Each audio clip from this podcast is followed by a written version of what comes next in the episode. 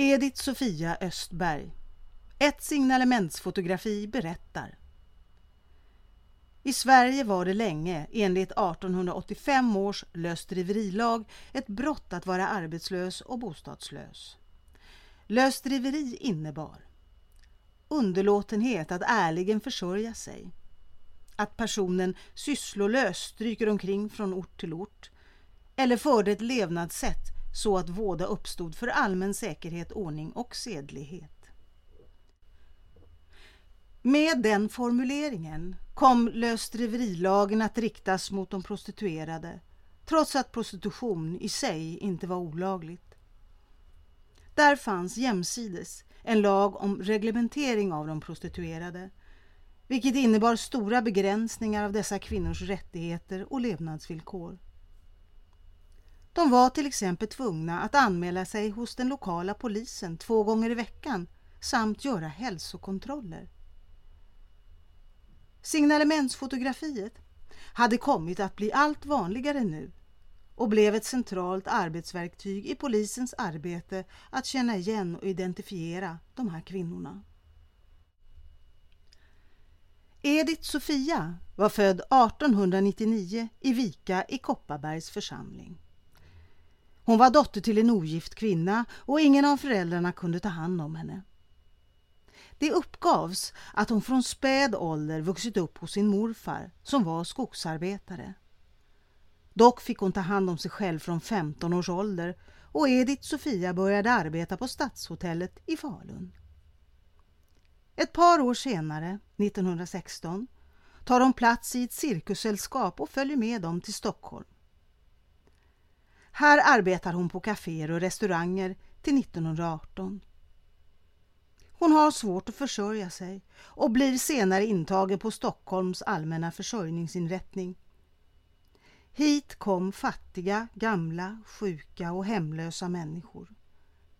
Och de ansågs inte ha några egna rättigheter. Det behövdes till exempel inget godkännande från dem själva för att använda deras kroppar till forskning efter döden. Vid två tillfällen hamnar hon på anstalt, i Landskrona och Växjö, för mindre stölder. Den ena stölden sker 1920. Då tar hon någon annans kläder och sätter dem på sig. För det blir hon dömd till fyra månaders fängelse. Det är förmodligen nu som det här signalementsfotografiet tas, runt 1920. 1921 häktas hon för lösdriveri och hon hamnar på försörjningsinrättning igen. Hon bor sedan ett kort tag hos sin mamma i Vika. Därefter reser hon till Göteborg för att arbeta på mattfabrik. Men häktas av polisen i Göteborg åter för lösdriveri. Här låter hon bli att anmäla sig till polisen trots att polisen har krävt att hon ska anmäla sig under två års tid. Hon gör det bara i några veckor. Från åren 1923 till 24 verkar det vara mycket svårt att försörja sig, både för henne och många andra. Hon umgås med män och ses dricka. Edith Sofia uppger till polisen att hon försöker få arbete som sömmerska.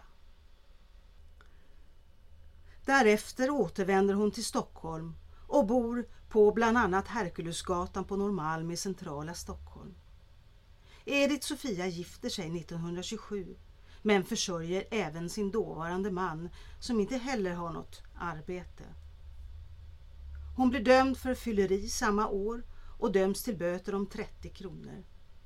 Dessvärre har hon inte råd att betala böterna och får sitta i fängelse under fem dagar. Mellan åren 1921 och 1929 blir alltså Edith Sofia dömd till tvångsarbete ett flertal gånger för sedelöst leverne och brott mot lösdriverilagen. I en polisrapport står bland annat beskrivningen Ett supet, lättjefullt och för allmän säkerhet, ordning och sedlighet vådligt leverne. Polisens signalementsnoteringar av Edith Sofia Östberg var Blont, yvigt ljust hår, blå ögon, Näsa trubbig, inåtböjd. Längden anges ibland till 1,75, ibland till 1,65. Kroppsbyggnad sägs vara medelstark, ibland fyllig.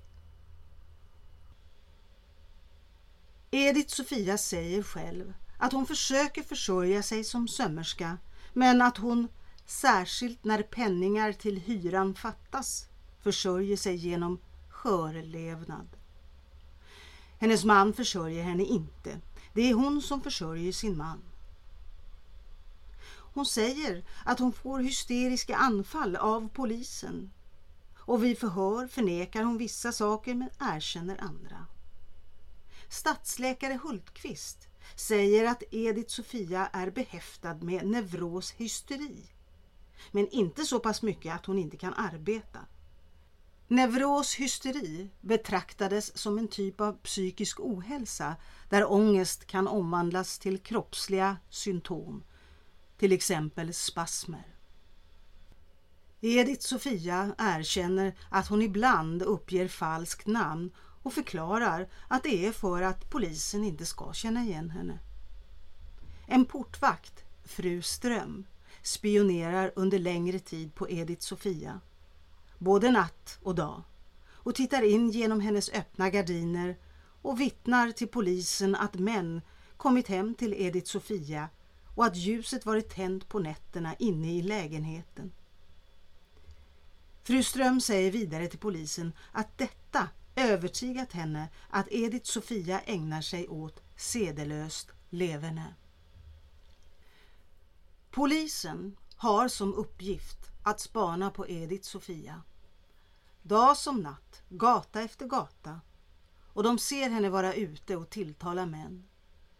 Polisen på Norrmalm ser henne utestrykande på Drottninggatan och närgränsande gator. Vittnen, som till exempel portvakten Fru Ström, polisens spaningsrapporter och kvinnliga lösdriveriavdelningens rapport är de underlag som används för besluten och domarna gällande Edith Sofia. Edith Sofia träffar en ny man och gifter om sig med en herr Olsson 1940. Hon har då flyttat ifrån Stockholm. Hon dör 63 år gammal i Jämtland år 1962. Vi hoppas och vill tro att livet blev lite bättre för Edith Sofia Östberg de sista 20 åren.